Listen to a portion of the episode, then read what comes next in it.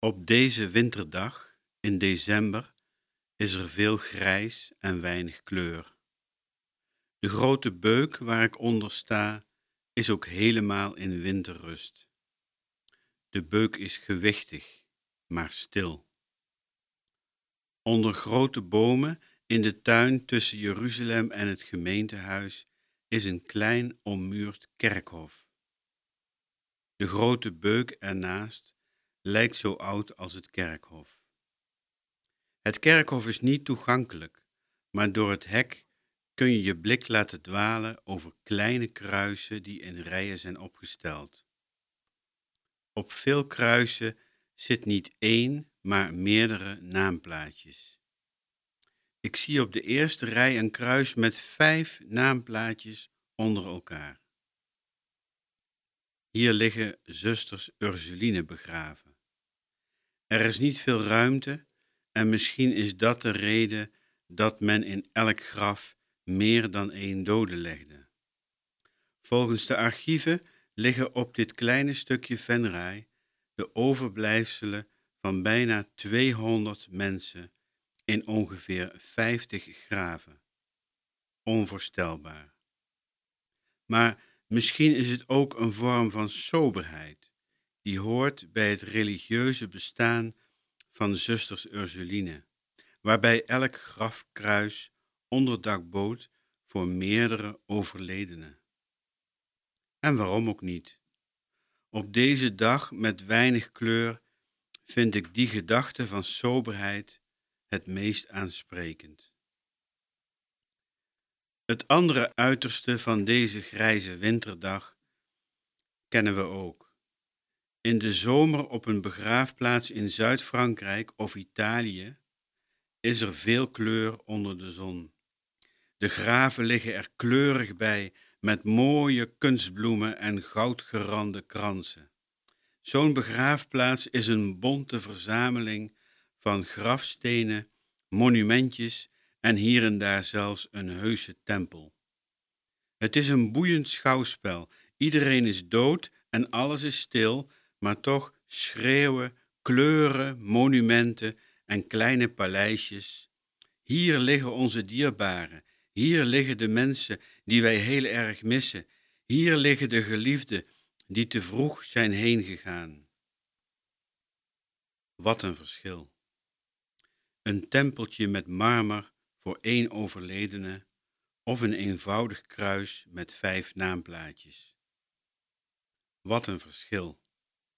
Niet alleen in Zuid-Europa, ook hier willen wij graag een heel persoonlijk monument oprichten voor degene die wij moeten missen en die wij niet willen en niet kunnen vergeten. De cultuur van het afscheid heeft zich enorm ontwikkeld in vergelijking met de gewoontes en rituelen van een halve eeuw geleden. We vieren veel sterker dan vroeger de waarde van het individu, de waarde van elk individueel mens. Je zou ook kunnen denken dat de kracht waarmee wij afscheid willen vieren ook iets zegt over de mate waarin wij de dood aanvaarden als een realiteit die bij ons leven hoort.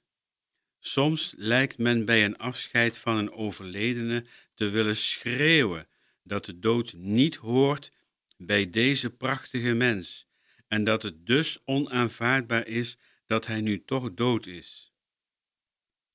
Ik begrijp het, maar het ligt mij niet zo. Ik ben liever stil als het om de dood gaat.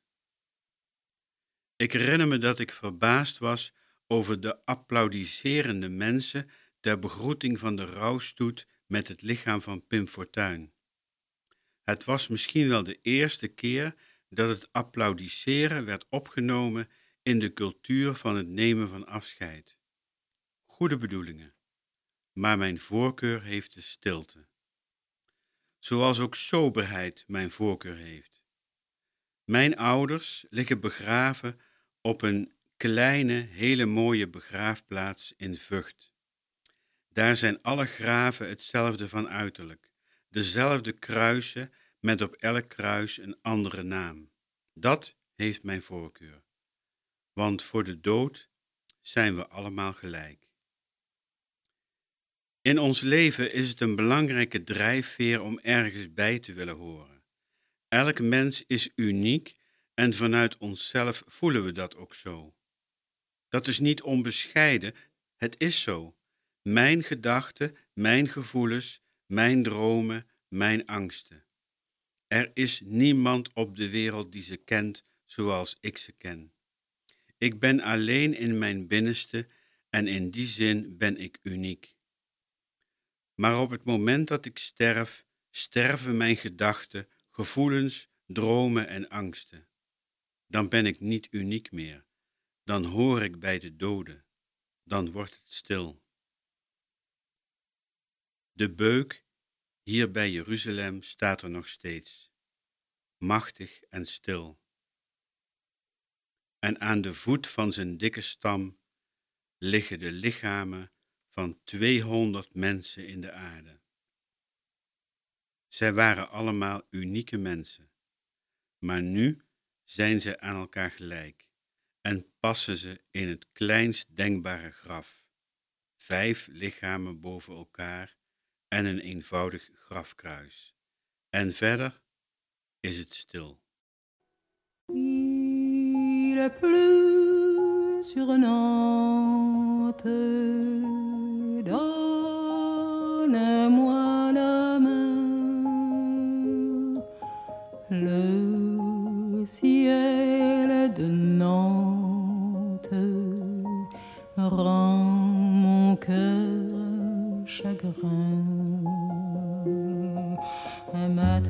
Celui-là, il y a juste un an déjà, la ville avait ce teint blafard lorsque je sortis de la gare. Nantes m'était alors inconnue, je n'y étais jamais venu. Il avait fallu ce message pour que je fasse le voyage. Madame, soyez au rendez-vous, 25 rue de la Grange au Loup. Faites vite, il y a peu d'espoir. Il a demandé à vous voir à l'heure de sa dernière heure. Après bien des années d'errance, il me revenait en plein cœur. Son cri déchirait le silence. Depuis qu'il s'en était allé, longtemps je l'avais espéré. Ce vagabond se disparut voilà qu'il m'était revenu. 25 rue de la Grange au Loup, je m'en souviens du rendez-vous. Et j'ai gravé dans ma mémoire cette chambre au fond d'un couloir. Près d'une cheminée, j'ai vu quatre hommes se lever. La lumière était froide et blanche, ils portaient l'habit du dimanche. Je n'ai pas posé de questions à ces étranges compagnons. J'ai rien dit, mais à leur regard, j'ai compris qu'il était trop tard. Pourtant, j'étais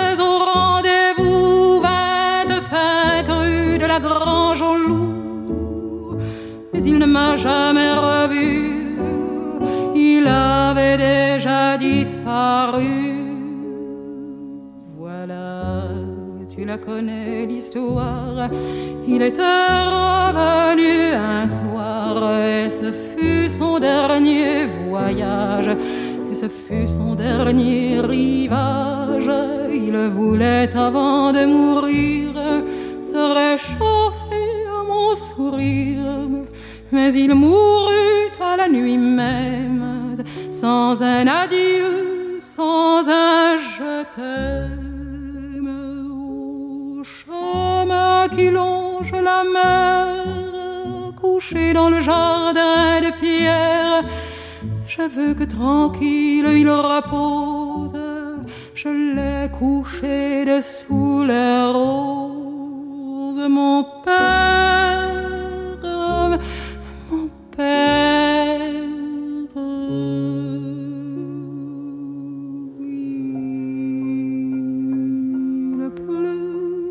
sur Nantes.